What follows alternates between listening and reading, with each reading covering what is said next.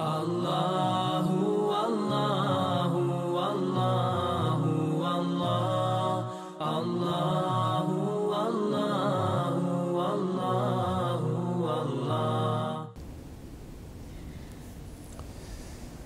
إن الحمد لله تعالى نحمده نستعينه ونستغفره ونستهديه ونعوذ به من شرور أنفسنا ومن سيئات أعمالنا. من يهدي الله تعالى فهو المهتد. ومن يضلل فأولئك هم الخاسرون وأشهد أن لا إله إلا الله وحده لا شريك له وأشهد أن محمدا عبده ونبيه ورسوله وصفيه من خلقه وخليله ثم أما بعد. وإذ فرقنا بكم البحر فأنجيناكم وأغرقنا آل فرعون وأنتم تنظرون. I kada smo vam more rastavili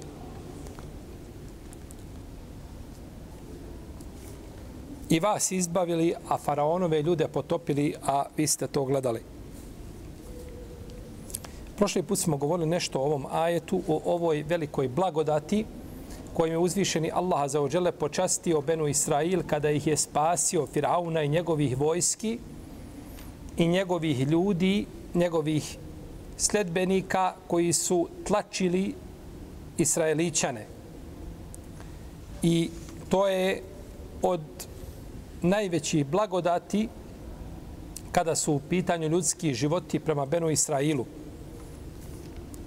Mi smo došli do pitanja a, dana u kome je spašen Musa, ale i selam i kazali smo da je to došlo pojašnjenje u sunetu poslanika, sa da se radi o danu Ašure. Međutim, među islamskim učenjacima postoji razilaženje po, pitanja dan, po pitanju dana Ašure. Koji je to dan? Neki učenjaci kažu da je to deveti dan mjeseca Muharrema. I kao argument koriste hadis koga bilježi ima muslim u svome sahihu od Ibnu Abbasa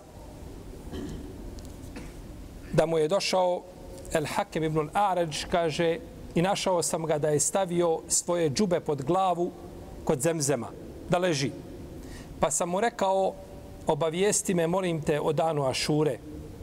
Pa mu je rekao Ibn Abbas, kada nastupi mjesec Muharrem i kada, kada vidiš mlađak mjeseca Muharrema, od tada broj devet dana i osvani taj dan da postiš. Osvani taj dan da kao postač, je tako? Pa bi shodno ovom predanju koje je zabilježio muslim u svome sahihu, a dan Ašure je bio deveti dan mjeseca Muharrema. Dobro, ova je, Al-Hakem je upitao Ibn Abbasa, je li tako činio poslanik, sallallahu sallam, kaže, jest. Pa znači, dan Ašure je deveti dan čega? Mjeseca Muharrema. Iako je poznato kod ljudi da je to šta? Deseti dan. Što znači da vi godinama pogrešno šta? Radite. Evo hadisa. Kad osvane šta? Izbroj devet dana i osvani deveti dan da postiš kao postač. Dobro. I ovo, ovo me još ide u prilog kada Ibn Abbas pitao, upitan da li je tako činio Muhammed sallallahu sallam, kaže jeste.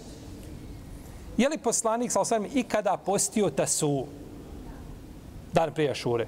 Je li postio? Je li nije? Nije. Rekao je da doživim narednu godinu postiću čega? Dan prije. Ali nije postio, nije doživio jer je umro prije toga. A Ibn Abbas kada je upitan je li činio tako poslanik, sam kaže jeste. Pa je to dodatni dokaz da je dan Ašure koji dan mjeseca Muharrema? Deseti. Deseti. Deveti. Dodatni dokaz. Tako je činio poslanik, on je postio Ašuru i rekao je da na, ako naredne godine doživim, postiću i Tasovu. A nije nikada ga je postio, znači jedan dan. Pa kad Ibn Abbas upitan, je li tako činio? Kaže, jeste činio. Pa je po jednom mišljenju dana šure šta? Deveti dan mjeseca. Imamo i drugo mišljenje. A to je da je to šta? Da je to deseti dan mjeseca Muharrema. I zato imamo dokaz kod muslima u sahiju. Od Ibn Abbas opet. Da je Ibn Abbas rekao, naredio nam je poslanik, sam da postimo Ašuru deseti dan Muharrema. Postimo Ašuru deseti dan čega? Pa je pojasnio da je Ašura deseti dan čega? Mjeseca Muharrema. I rekao je, kaže, razlikujte se od jevreja, postite i tasovu. I rekao, ako doživim naredne godine, postiću i tasovu. Tasija, deveti dan, mjeseca Muharrema. Pa je ovdje sad razlika, ovdje se sad razlikuje ova predaja od prethodne. Imamo jedan problem. Ibn Abbas govori dva puta različit šta? Hukmi propis. Ništa Ibn Abbas nije rekao različito. Ibn Abbas govori o jednoj stvari. I ove dvije predaje su se uklapaju savršeno, nema među njima nikakve kontradiktornosti. Ibn Abbas kada je rekao El Hakemu posti osvani deveti dan da postiš, hoće mu, je li to negiralo post desetog dana? Nije. Osvani deveti dan, hoće mu kazati u potpuni sunnet u potpunosti. Dovoljno je deseti dan i dozvoljeno je posti samo deseti dan mjeseca Muharrema i nema u tome a, kerahijeta, nije to mekruh, kao kaže šehol islam, imate mi i drugi učinjaci. Međutim, potpunije i bolje je da se posti dan prije čega? Ašure. Neki učenjaci kažu i dan poslije, iako dan poslije taj hadis je ovaj upitan. Dobro. Ostaje nam onda drugo pitanje. Kada je upitan Ibn Abbas, je li tako činio poslanik, sallallahu alaihi sallam, rekao je, jeste. E tu ostaje problem. Kako taj problem riješiti? Kako Ibn Abbas rekao, jeste, a Ibn Abbas isti nam prenosi i kaže, ako doživim narednu godinu, postiću tasu i kaže, nije doživio, ubrzo je umro. Sallallahu ala rasulillah. Nema ni tu kontradiktornosti. Nema ni tu spora nikakvog. Ibn Abbas kada je, rekao, kada je upitan je tako činio poslanik, rekao je jeste, on je kazao jeste shodno čemu? Riječima poslanika, sa osreme, ne dijelu. Shodno riječima. Jer je poslanik rekao sa osrame, ako doživim, postiću. Je to onda sunnet? Završeno. Samo uzvišen je Allah nije propisao da on živi toliko. Ali poslanik, kada nešto kaže, to je gotovo. Da imam priliku, radio bih tako i tako. Je to sunnet? Gotovo. Pa ne bi poslanik činio se ono što je najbolje. Pa kada kaže nešto, to se, a, a, te riječi mogu se staviti na mjesto čega? Dijela, iako ga poslanik sam nije šta? Nije ga uradio. Tako da je ispravno mišljenje da je Ašura deseti dan mjeseca čega? Muharema, inša Allah, da ne radimo neispravno. Tako. Međutim, ovaj postoje razilaženja među učenjacima u vezi s tim i vidite koliko je bitno da se različita predanja o jednoj tematici sakupe na jedno mjesto, a nikako da se uzima jedna predaja zasebno, ako u vezi s istom tematikom postoji drugi hadisi. Jer tad se definitivno može lahko izgubiti željeni smisao i može se promašiti ciljano, ciljano i željeno značenje. Pa je pohvalno, znači, postiti ovaj dan u kome je uzvišen Allah azuđel spasio Musa, a.s. A, jer je to a, velika Allahova blagodat prema jednom od ulazimina Rusul od najboljih poslanika, a ujedno i Benu Israilu, a i nama kao muslimanima, jer mi slijedimo, mi slijedimo, znači, a, Musa, a.s. u čemu? Čemu ga slijedimo? Čemu slijedimo sve poslanike? To je idu vjerovanju. Vjerozakonici su različiti, propise se razlikuju, vjera je jedna. Nije bilo kod jednog poslanika da vjeruju meleke, a drugi ne vjeruju meleke i slično tome. Pa je Musa, alaih salam, mi smo mu, kaže poslanik, preči od koga? Od nje. Mi smo preči njemu od nje. Jer mi vjerujući u našeg poslanika, sallahu sallam, u isto vrijeme slijedimo i priznajemo mu alaih salam, iako je naš vjerozakonik, znači razlikuje, i poslanikov sallahu sallam, vjerozakonik je dokinuo, znači sve prethodne vjerozakonike. Da neko ne sestije da ima pravo da uzme te vrati da slijedi Musa, alaih To nikako. To je završeno. Međutim, samo priznavanje Musa alaih salam i a, njegovog mjesta koga uživa kod uzvišenog Allaha i njega kao poslanika jeste znači slijedjenje slijedjenje njega. Sallallahu alejhi ve sellem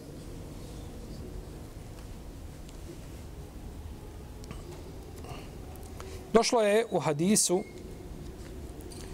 Ebu Katade radijallahu anhu da je poslanik sallallahu osam rekao za ovaj dan da iskupljuje od grijeha prošlu godinu Znači, godina koja je prethodila tome danu da iskupljuje od grijeha. Od kakvih grijeha predmeti razilaženja među učenjacima shodno a, pitanju da li dobra dijela mogu iskupiti velike grijehe. Pa ono što, na čemu je većina islamskih učinjaka jeste da za, za velike grijehe treba te oba. Da nije dovoljno činiti dobro dijelo bez te obe dobro djelo se piše, ali neće dobro djelo izbrisati veliki šta? Grije. Dok ima Mahmed i neki drugi učinjaci kažu, hoće. Imaju opće hadise koji ukazuju to bi mišljenje imalo svoju snagu. Iako, kada se sagleda sve po pitanju te obe prije, da će biti da treba te oba za, za, znači, za, velike, za velike grijehe. Šeh Albani je odabro isto mišljenje da dobra djela poput namaza, poput hađa, brišu čak i velike grijehe. Tako da je to mišljenje jako kod ehlu sunneta, međutim, po svemu sudeći da je mišljenje u vezi s teobe, teobom jače, znači da je obavezna teoba za velike grije. U entum tanzurun, a vi ste gledali. Ovdje uzvišeni Allah opisuje stanje Benu Israila. Benu Israila gledao šta? Kako uzvišeni Allah potapa Firauna, tog silnika i njegovu šta? I to je od najvećih blagodati koje, koje mogu biti nešto što su oni priželjkivo, čemu samo mogli maštati. Danas tamo nekoga privedu pred nekakav sud pravde negdje, osude ga tamo 15 godina zato što ubio hiljadu ljudi, izišao pred lice pravde. Ljudi se raduju, vesele se što je neko osuđen 15 godina zato što je zločinac bio. Kako lice pravde? Zamislite onda kako je bilo koji je ubio Firaunu koji je ubio hiljade i tlači, tlačio ljude s Bogom, božanstvo, božanstvom sebe smatrao. To nije zabilježeno ni od koga na zemlji osim od njega. Da li bi još neko mogao se naći kroz historiju, teško bilo kazati. Da je govorio en rabbukum al-a'la. I nakon toga da ga vide mrtva. Kaže, a vi gledate. Dobro. A vi gledate. Znači li ova vi gledate da ste vi svojim očima vidjeli kako ga uzvišeni Allah potapa? To je jedno mišljenje kod islamskih učenjaka. Drugi kažu, misli se, a vi gledate, to jeste da pogledate, vidjeli biste ga da se utapa, ali budući da ste vi zauzeti sami sobom i bježanjem kroz more da se spasite, jer to je za vas bilo sada čudno, idete između, jel tako, jedan, jedan klanac u moru, prolaziš kroz njega sa strane voda, i čekaš samo kada ćete, jel tako, ovaj morski valovi, kada ćete poklopiti, prolaziš da se okrenete, da imate mogućnost da se okrenete, vi, ko trči ispred medvjeda, on nema da se vremena da se okreće i da gleda gdje je medvjed, jel tako? Vi biste ga vidjeli kako je šta? Kako se utapa. Ali niste jer ste bili zaposleni šta? Sami, sami sobom. Neki učenjaci kažu, vi ste osjetili to. Pa je osjećaj došao na mjesto čega? Vida. Osjetili ste iza leđa da su njih poklopili valovi. Pa je bilo kao da ste to vidjeli. Kao da ste to vidjeli. Međutim, a, ispravnije će biti da da su a, israeličani vidjeli svojim očima njihovo potapanje. Jer tako blagodat, tako se srca smiruju, tako blagodat biva veća.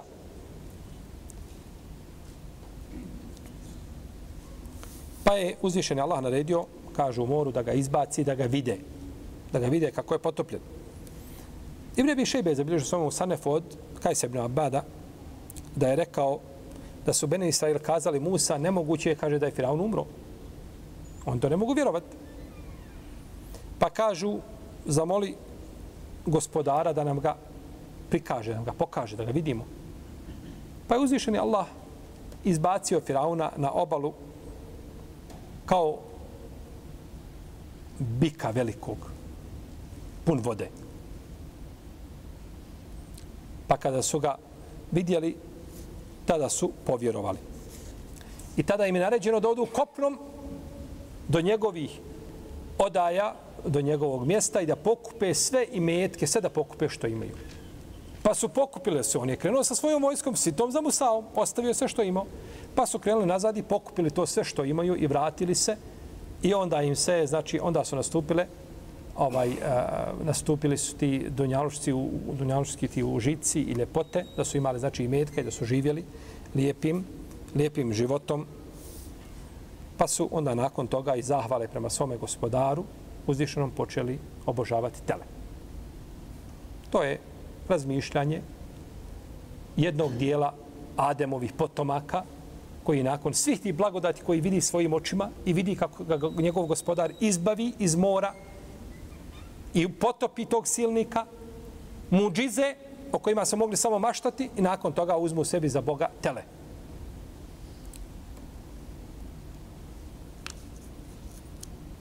Pa je Musa, alaih salam, žestoko ih osudio.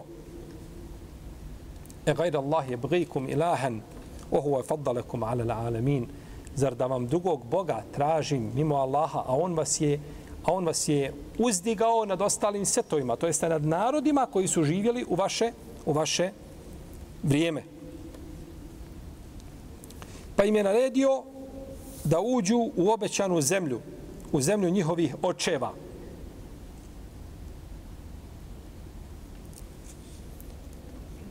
A u obećanoj zemlji su bili silnici i nepravednici. Obećana zemlja ovdje koja se spominje a, udhulu lardala muqaddesat al-lati kataba Allahu lakum misli se na Bejtul Maktis. Jer su oni živjeli u Bejtul Maktisu prije nego što će izaći Jakub a.s. sa svojim potomcima do Jusufa a.s. priključiti se u Egiptu. A između Jusufa a.s. i Musa je oko 400 godina.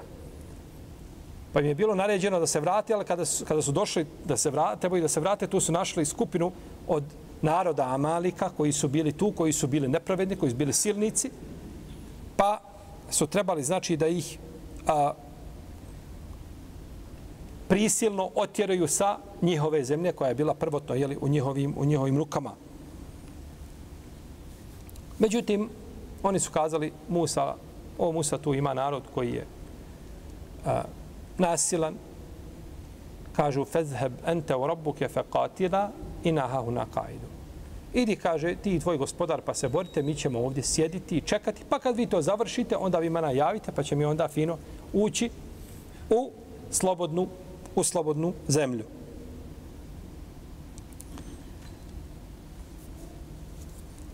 Potom je Musa, a.s. prozvao i fasicima. قال ربي اني لا املك الا نفسي وأخي فافرق بيننا وبين القوم الفاسقين كاجي господару ја не могу владати него со мном и мојим братом он ми је најпокорни каже па пресуди између нас и фасика лю два пута их је назвао фасицима имате ли предају у лажним хадисима да је посланик назвао асхабе фасицима Pogledajte s kim Musa, ali zato kaže poslanik, Musa je više uznemiravan kada ovako nađe nekakav beduin, pa kaže poslaniku, sal sadame, nešto što je neprimjerno bilo od ljudi koji jedan put dođu, ovaj, uh, ili, ili su bili u osnovi ljudi koji su tako krenuli krivim putem, pa kaže ružnu riječ ili kaže nešto po Muhammede budi pravedan i slično tome, kaže Allah se spilo Musa, uznemiravan je više od toga pa se je strpio. Kaže, pa presudi između nas i naroda nepokornog. Potom je Musa, alaih salam, odabrao 70 ljudi od svoga naroda. Najbolji. Odabrao je 70 najboljih. Uhtare Musa kaumehu seba'ine rađula. I odabrao je Musa svoj narod 70 ljudi. Tako je došlo u ajetu. Nije rečeno od svoga naroda 70 ljudi, nego kaže svoj narod 70 ljudi. Znači ono drugi šta? Nije njegov narod. I otišao je sa njim na Sinajsku goru, jel tako, da im donese te vrat. Pa, kada je Musa a.s. otišao, oni su to iskoristili među vremenu da počnu obožavati tele. A Musa a.s je bio stidljiv čovjek a, po prirodi, ne stidljiv u smislu dostavljanja. To nema stida. Dostaviti se mora ono uzvišenog Allaha čime je poslani, što je poslaniku naređeno da dostavi. Međutim, bio je stidljiv u smislu da je krio svoje tijelo. A oni su ga uznemiravali. Kažu, Musa, dok ti se ne smiješ sa nama džematile kupati. Kaže, oni skinu odjeću i uđu džematski. Negdje i kupaju se. A kaže Musa, nije to, to je njihov bio sunnet i do današnjih dana je ostao, je tako? Nije on ovaj izumro. Ne treba ga oživljavati. On je prisutan. I kažu, dok se ne smiješ mušca ti skinut, ti si sigurno, kažu da je ader. A ader je onaj koji je kilav. E zato ti se mušca ne smiješ skinuti. Pa je htio uzvišeni Allah da im pokaže da je to optužba koja nema svoje stvarnosti. Da je to laž. Pa je Musa jednog dana došao, skinuo odjeću, stavio na kamen i sam se kupao. On sačka da oni završe, pa onda ono dođe i sam se kupa. Međutim, taj je kamen krenuo i počeo bježati sa odjećom i Musa ali se trčao za kamenom i udarao, tako da su masnice ostale na, na, od, od udarca prutem po kamenu. Musa ali sam bio izrazitio jak čovjek. Pa je prošao pored njih i vidjeli su da je zdrav, jer poslanici su bili najljepšeg tjelesnog izgleda što može biti. Pa su kazali, nije pri Musau ono što mu mi pripisujemo. I na to ukazuje riječ uzvišnog Allaha u sura Al-Ahzab, Ja, ejuhel ladine amanu, la tekunu ke ladine azeo Musa, feberrahu Allahu mimma kao. Nemojte biti kao oni koji su uznemiravali Musa, pa ga je Allah očistio od onoga što su mu pripisivali. Ovi su ljudi počeli obožavati tele uznemiravajući tako svoga poslanika, prije toga uzvišenog Allaha za ođel. A, I kazali su kada je Musa a.s. umro, kažu ti ga ubio ti, smo, ti zavidan bio Musao i kaže ti si ga ubio. Kako su najboljeg poslanika koji im je poslan, kako su ga uznemiravali.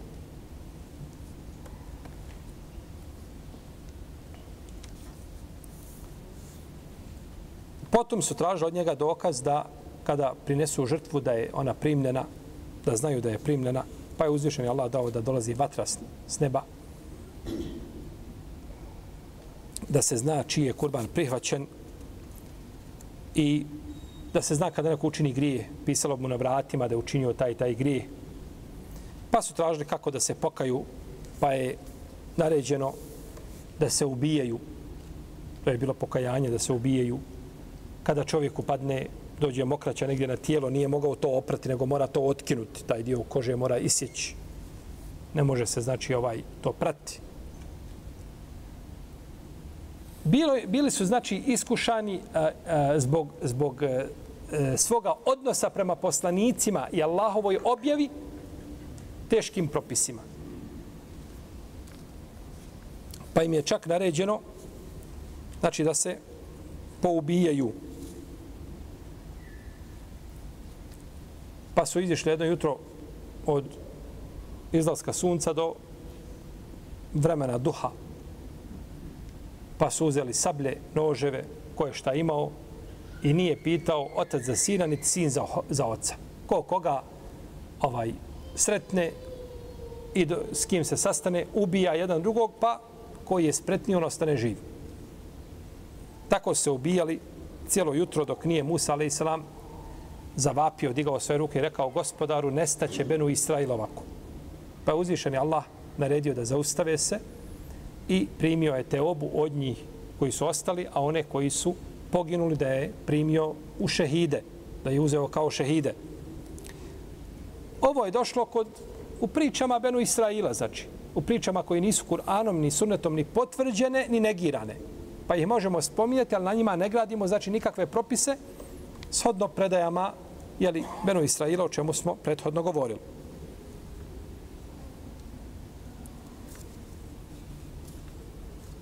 Kaže Imam Tabari da je u ovim pričama veliki dokaz poslanstva Rasulullah s.a.v. jer odakle je on znao i kako je mogao stanovnicima i Mekke i Medine pričati ove događaje, a on o njima nikada ništa čuo i znao nije.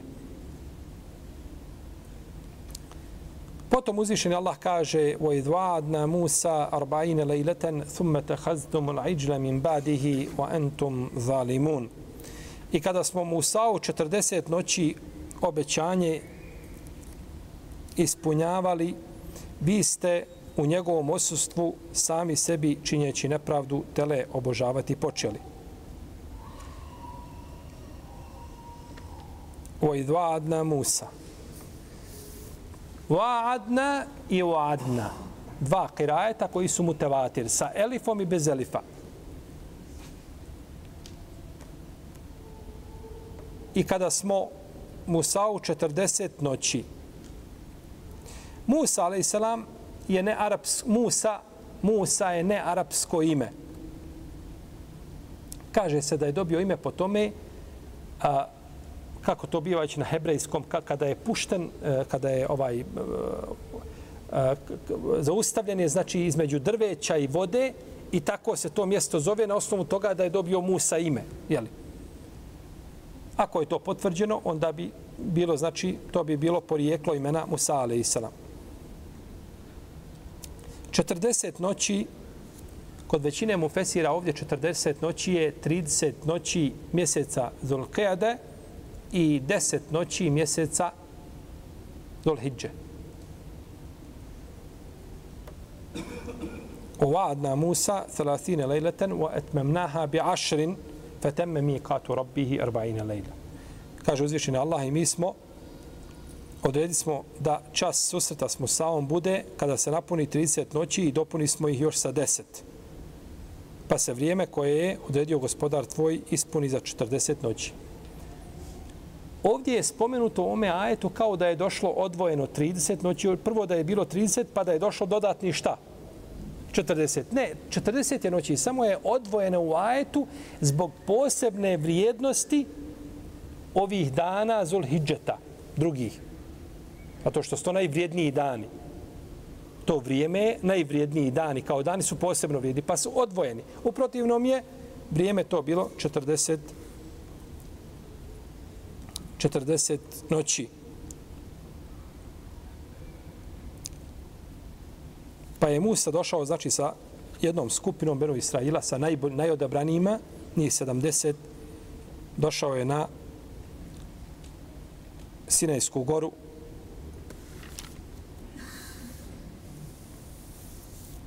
Pa kada je prošlo 20 noći, oni su to smatrali 20 dana i 20 noći da je to šta? 40. Pa je prošlo 20 noći, kažu, Musa prekršio obećanje. Musa nas iznevjerio.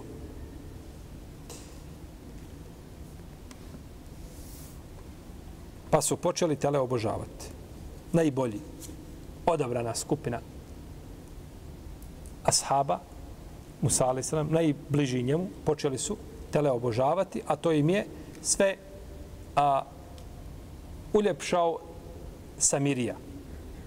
Samiri, koji je bio, kada su prolazili kroz more, on je vidio a, izaslanika. Kaže se da je to bio Džibril, ali sam na konju. Pa je vidio gdje je stao i uzeo je tu jednu šaku tog pijeska. qabadtu kabdaten min eseri rasul, fanabaztuha wa kadhalika sawalat li nafsi. Kaže pa sam to bacio na šta je bacio? Na tele. Kaže i tako me moja duša na to nagovorila tako me tako ga odradila njegova duša da je on to uradio i bacio na tele pa je tele počelo da znači a, pusta glas kao da riče pa su mislili znači da ima u sebi šta? Dušu i da je to Bog. Naravno, oni nisu htjeli poslušati Haruna, a.s. koji im je govorio ja kao mi innema futintum bihi. Kaže, to je samo za vas iskušenje. Wa inna rabbakumur rahman fattabi'uni wa ati'u amri. Vas, vaš gospodar je Allah milostivi, pa mene slijedite i budite mi pokorni. Naravno, to nisu htjeli prihvatiti od Haruna. Kažu, mi ćemo ostati, klanjati se ovom teletu, kalo ne nebraha alihi akifine, hata jerđija ili na Musa, sve dok nam se Musa ne vrati, mi ćemo, ta, pa kad se Musa ali sam vrati, onda ćemo vidjeti šta ćemo i kako ćemo. A do tada će obožavati, do tada će obožavati tele. Kažu neki učenjaci da je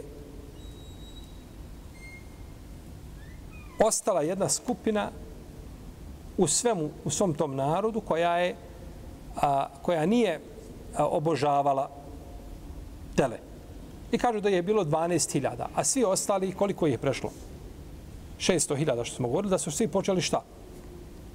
Obožavati tele.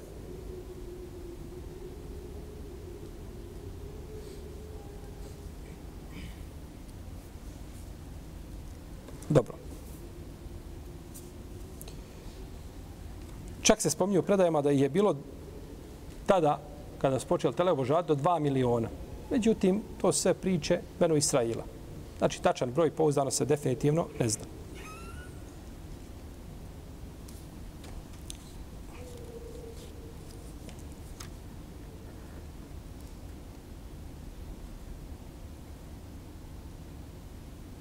Zašto je ovdje spomenuto da su oni bili a, zašto spomenuti 40 noći? Zato što noć u islamu dolazi prije čega? Prije dana. Prije dana. I 40 noći za ovo, ovih 40 noći se hvataju neke sufijske skupine koji kažu 40 noći to je posebno vrijeme za čišćenje duše, za odvajanje za i tako dalje za halua, to je to osama ta u koju onu pozivaju koja ima a, i svoje šartove. A, jedan šejh imam sufijski al-Fauti spominje 26 šartova ove osame. I kad se ti šartovi čitaju ja nisam tio da ih, da ih čitamo. Nije to tematika o, če, o kojoj govorimo ali zaista se znači čuda se navode u tim u tim znači ovaj šartovima i vidi se znači da je tu vidno ostupanje od sunneta poslanika sallallahu alejhi ve sellem.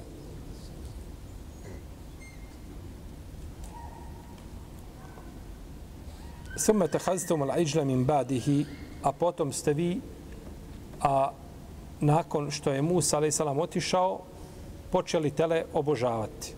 Ovi ostali i za Musa počeli obožavati tele. Ovi što su bili najbolji sa njim, šta su kazali? Prevario nas Musa. Odradio nas. Evo čekamo 20 dana, ništa nema. Obećao se nam nešto. Najbolji kažu, prevario si nas. Oni koji su malo lošiji ili koji su puno lošiji, oni kažu šta? Tele ćemo obožavati dok Musa ne, ne dođe. Znači, to je, to je razmišljanje jednog naroda. I ovdje se kaže i potom ste tele počeli obožavati. Uzeli ste tele, tako se kaže. Prihvatili ste tele. Kada se kaže thumme tahaztumul ajđl, ne može se tako samo zaustaviti. Ovdje imamo samo jedan objekat. A trebaju nam dva objekta. Da kažemo thumme tahaztumul ajđle ma'buden ili ilahan. Uzeli ste tele za Boga ili kao božanstvo mora biti, ne, uzeli ste tele posle njega. Šta uzeo si tele? Šta je značenje uzeo si tele? Hoće se ajetom, nije, se, nije spomenut drugi taj objekat, da se tvoje razmišljanje tebe kao čitatelja i slušatelja Allahovih riječi da se u sred sredi na zločin koga su oni počinili, a to je šta? Tele. Znači da se ne razvodnjavaš ti više, da ne dijeliš e, svoju koncentraciju na dva objekta, nego na jedan, da ti ukaže na veličinu grijeha koga su oni šta? Počinili. Dođete vi, dođeš, ljudi obožavite, ali kažeš, kažeš njima, zar tele? Šta znači to? Zar tele šta? Obožavate, je li tako? Nećeš kazati zar tele obožav, nego zar tele? To je znači dovoljno. I u tome je stilistika, znači, u tome je stilistika Allahovih riječi. Obožavate nešto što ste svojim rukama napravili. I počeli ste to obožavati, znači svi oni, vidi se da su oni jedna ruka, jedna, jedna, jedan, jedan mentalni sklop po pitanju zla. I da su znači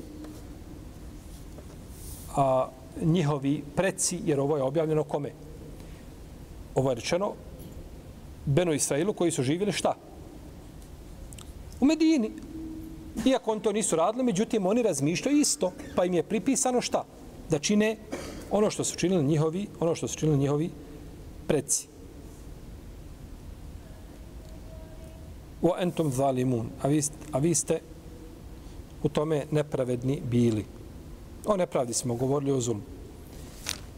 Potom kaže uzvišeni Allah Azza wa Jal Thumma afauna ankum min ba'di dhalike la'allakum teškurun.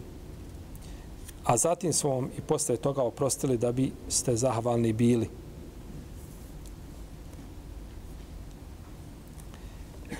U arapskom jeziku imamo afu, imamo gufran. I jedno i drugo je oprost. Ali afu može biti prije i posle kazne. Može biti da uz taj oprost ima kazna i da nema kazna. Ali kad je u gufranu pitanju, tad nema čega. Tad nema kazne. Ha. Tad nema kazne. I zato kada kažeš Rabbir firli, znači oprosti mi prije nego što me šta? Znači ne, nešto čime nema čega. Oprostu s koga nema kazne. S koji nema kazne.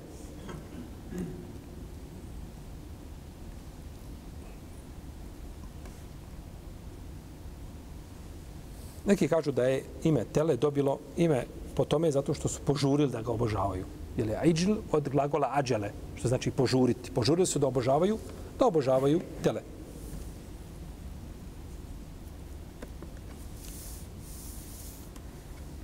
Pa su bile nezahvali svome gospodaru. Uzvišeni Allah neće, a, nije zadovoljno od roba koji nije zahvalan ljudima, A kako onda zahvalnost gospodaru Tebarake od Jer kaže, ne, nije, nije zahvalan Allah, onaj ko nije zahvalan ko nije zahvalan ljudima. Jer po prirodi ko čovjek ne zahvaljuje, ne zahvaljuje ljudima, on ne zahvaljuje ni svome gospodaru. A za ođa.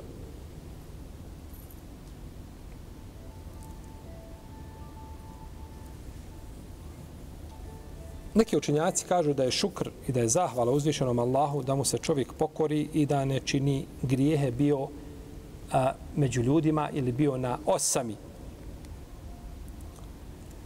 Dok neki kažu da je to da je zahvala Allahu da čovjek prizna svoju nemoć da mu zahvali. Davud a.s. je rekao gospodaru kako da ti se zahvalim kada je zahvala blagodat od tebe. Kaže, o Davude, sad si mi zahvalio budući da znaš da je zahvala blagodat od mene, kaže sad si mi zahvalio. Kaže gospodaru pokaži mi najmanju blagodat tvoju prema meni, najskriveniju blagodat tvoju prema meni. Kaže udahni, pa je udahnuo. Kaže koliko takvih blagodati imaš dnevno. Udahni i nemoj izdahnuti. Ili nemoj udisati nikako vazdu. Pa vidi kolike su Allahove blagodati prema tebi. Musa a.s. je govorio, kaže, gospodar, kako da ti zahvalim kada je najsitnija blagoda tvoja kojom si me obdario, vrijednija od svih mojih dijela koja činim, kaže o Musa, to je tvoja zahvala meni. Da znaš da mi ne možeš zahvaliti. A Džunejd je govorio, kaže, stvarnost zahvale je da čovjek zna da je nemoćan da se zahvali. Kaže Džunej da je jedne prilike došao Sari. Sari je bio poznati mu Feser, njegov šejh. Pa da je upitao, a ja sam se, kaže, igrao sa dječacima, imao sam sedam godina. Kaže, pa me upitao, kaže, znaš li ti, kaže, šta je šukr, šta je zahvala? Kaže, pa sam se okrenuo prema njemu i pogledao ga i rekao, znam. Kaže, šukr, zahvala je, kaže, da ne budeš Allahu nezahvalan ili nepokoran njegovim blagodatima. Allah ti dao blagodat, nemoj toj, tom blagodaću biti nezahvalan Allahu. Blagodat vida, nemoj gledati ono što je haram. Blagodat imetka, nemoj ga trošiti tamo gdje je haram. Blagodat jezika, nemoj govoriti njime ono što je haram.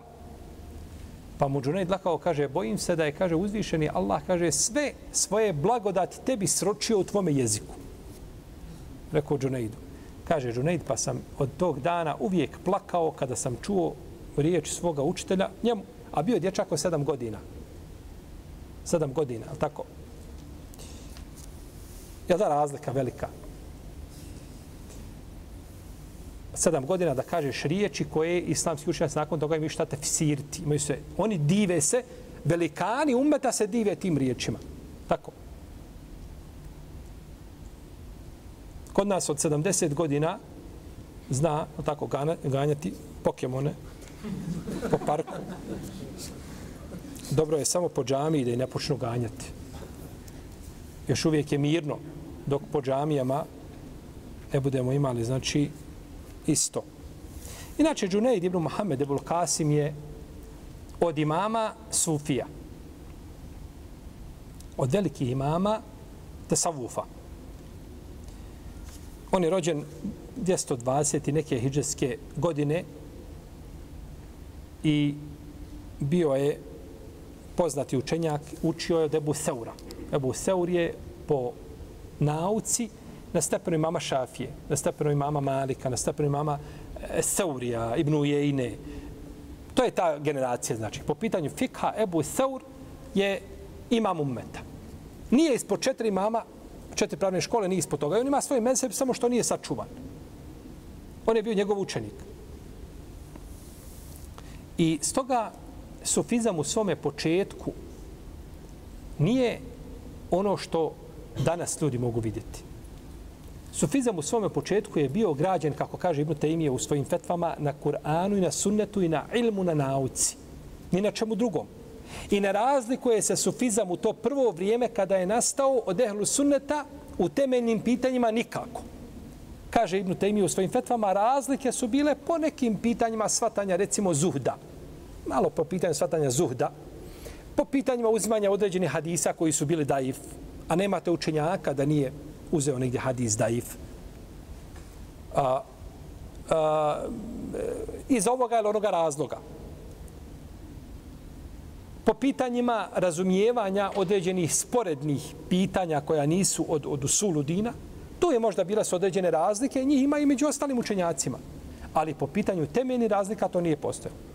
Pa su te razlike nastale, znači, kasnije, kada su ljudi okrenuli se, znači, i počeli činiti ono što nije činio niko od prvih generacija. Ibn Džauzi je zabilježio od Džunejda da je rekao, kaže, ne može uspjeti osim onaj ko sledi hadis poslanika Muhameda, sallallahu alaihi wasallame, i na onom, onome, znači na čemu je bio Rasulullah sallallahu kako kaže uzvišenje Allah u Kur'anu, lekad kana lekum fi Rasulillahi usvetun hasane, vi Allahom poslaniku imate najljepši, najljepši uzor.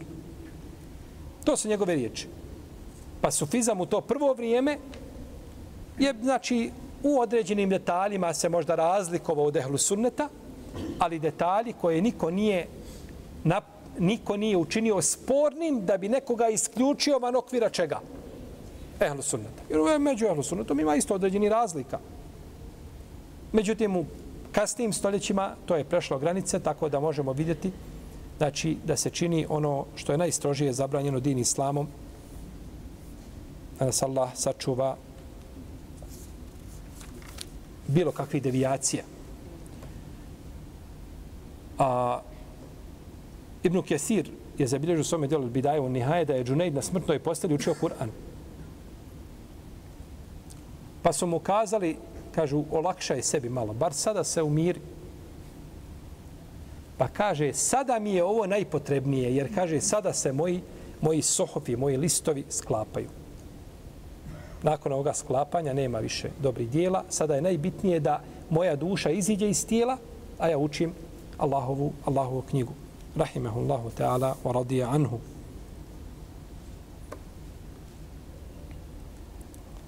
Pa je Džunaid rekao, kaže, šukrije da Allahu ne budeš nezahvalan blagodatima koje ti je dao.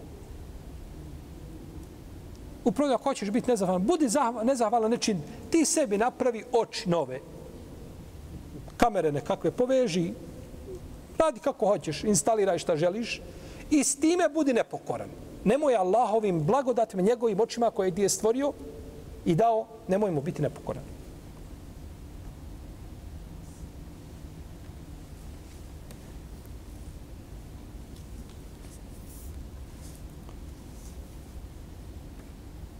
Kaže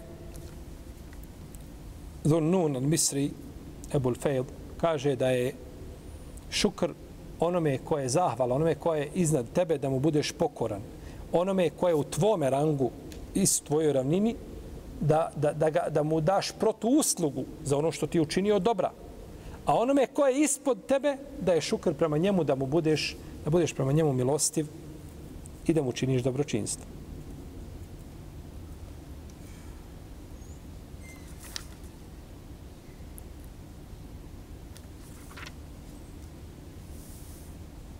Potom kaže uzvišenje Allah za ođel, وَإِذْ آتَيْنَا مُوسَى الْكِتَابَ وَالْفُرْقَانَ لَعَلَّكُمْ تَحْتَدُونَ I kada smo Musa'u knjigu koja rastavlja istinu od neistine dali, da biste pravim putem išli.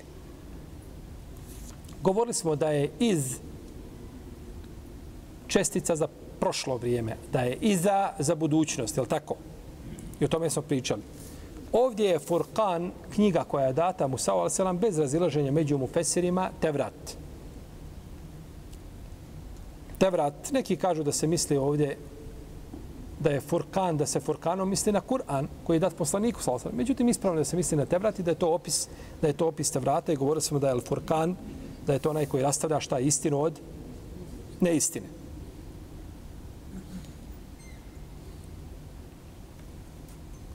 I zato je nazvan, znači dan Bedra je nazvan Jomul Furkan, je li tako? A Furkan može biti i izlaz. Kaže uzvišeni Allah, in tattaku Allahe lakum lekum furkana.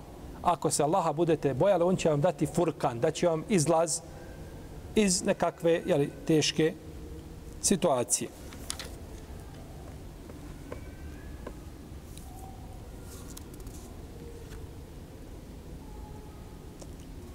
Pa je uzvišeni Allah azuđel dao Musa ali selam knjigu koja je rastavljala istinu od neistine, iman od kufra, kaznu od nagrade, Međutim, ljudi se okrenuli, nisu prihvatili uputu Allahovog poslanika, salavatu rabbi wa salamuhu alaihi.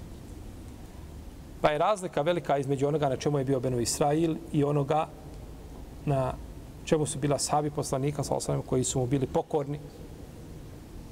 I nećete naći ni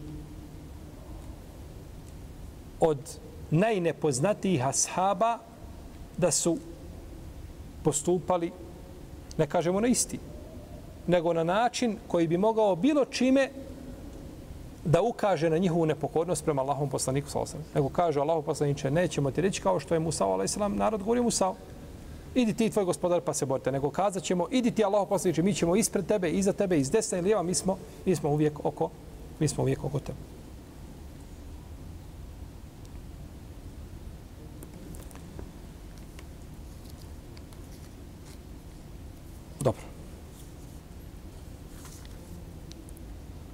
Ovdje imamo jedan novi ajet, pa ćemo inša Allah o njemu, 54. pa ćemo o njemu govoriti u našem narednom druženju. Allah ta'ala, sallallahu alaihi wa sallam, Muhammed, wa ala alihi wa sallam. Allahu